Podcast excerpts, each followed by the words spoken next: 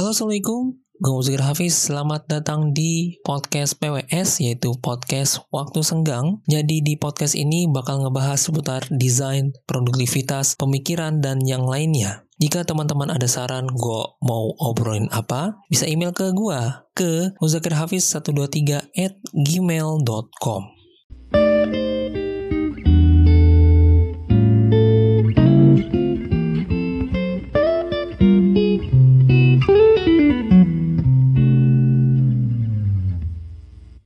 Di episode kali ini, gue bakal bahas soal keystone habit. Kalau dalam bahasa Indonesia-nya itu adalah kunci batu kebiasaan. Nah, apa sih kira-kira keystone habit ini?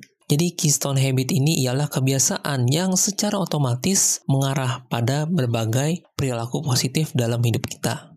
Kalau menurut Charles Duhigg nih, kebiasaan ini memicu reaksi berantai yang membantu kebiasaan lain itu bertahan. Dengan kata lain, membangun kunci kebiasaan itu dasarnya seperti merobohkan domino terbesar dan akan secara otomatis merobohkan domino yang lainnya. Itu sebabnya nih, kita nggak perlu yang namanya banyak merubah kebiasaan untuk mencapai tujuan yang kita inginkan. Hanya perlu merubah keystone habit kita. Intinya saat kita mencoba membangun keystone habit, kita bisa jatuhin dua burung dalam sekali pukulan berfokus pada kebiasaan ini ngebuat lu jadi sangat bermanfaat. Gue kasih contoh, misal besok nih kita mau kerja atau mau kuliah, gimana caranya kerjanya biar lancar besok? Misalnya bisa dengan tidur yang cukup, biar besok fit dalam bekerja, menyiapkan atau mengebrief apa yang kita bakal kerjain besok, atau bisa dengan olahraga sebelum kerja, biar badannya gak kaku banget. Sebenarnya simple banget kan ya, jadi ya kalau kata sederhananya mah, kalau ada kegiatan besok kita nyiapinnya ya dari malam. Dan besok tuh kita bisa lebih siap dalam bekerja.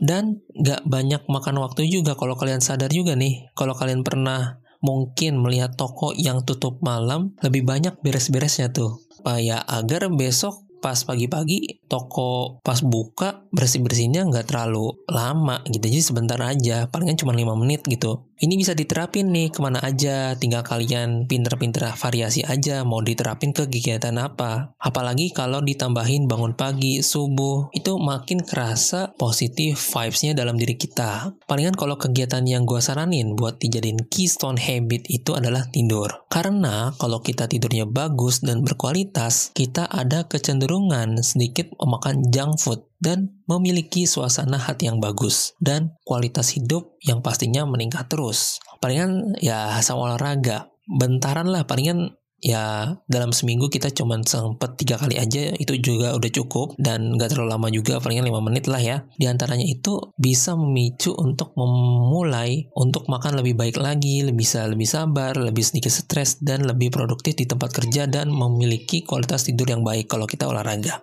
Ya, uh, itu aja ya sharing dari gue. Jadi intinya kita tuh harus membangun keystone habit kita, uh, terutama itu adalah tidur dan juga olahraga karena tidur dan olahraga itu efeknya tinggi banget kepada hal-hal yang kita kerjakan dalam sehari-hari. Jadi kita tidak boleh menyepelekan tidur karena itu tidur penting banget karena ya ngaruh semuanya dalam keseharian kita. Kalau kita tidak cukup tidur ya mau gimana gitu ya. Nggak bakal kita kita nggak bakal produktif. Ya, itu aja sharing dari gue. Ya, mudah-mudahan bermanfaat di podcast waktu senggang. Oke, terima kasih yang udah denger podcast episode ke-7 ini. Kalian boleh share ya ke teman-teman kalian yang membutuhkan. Oke, bye and stay kreatif.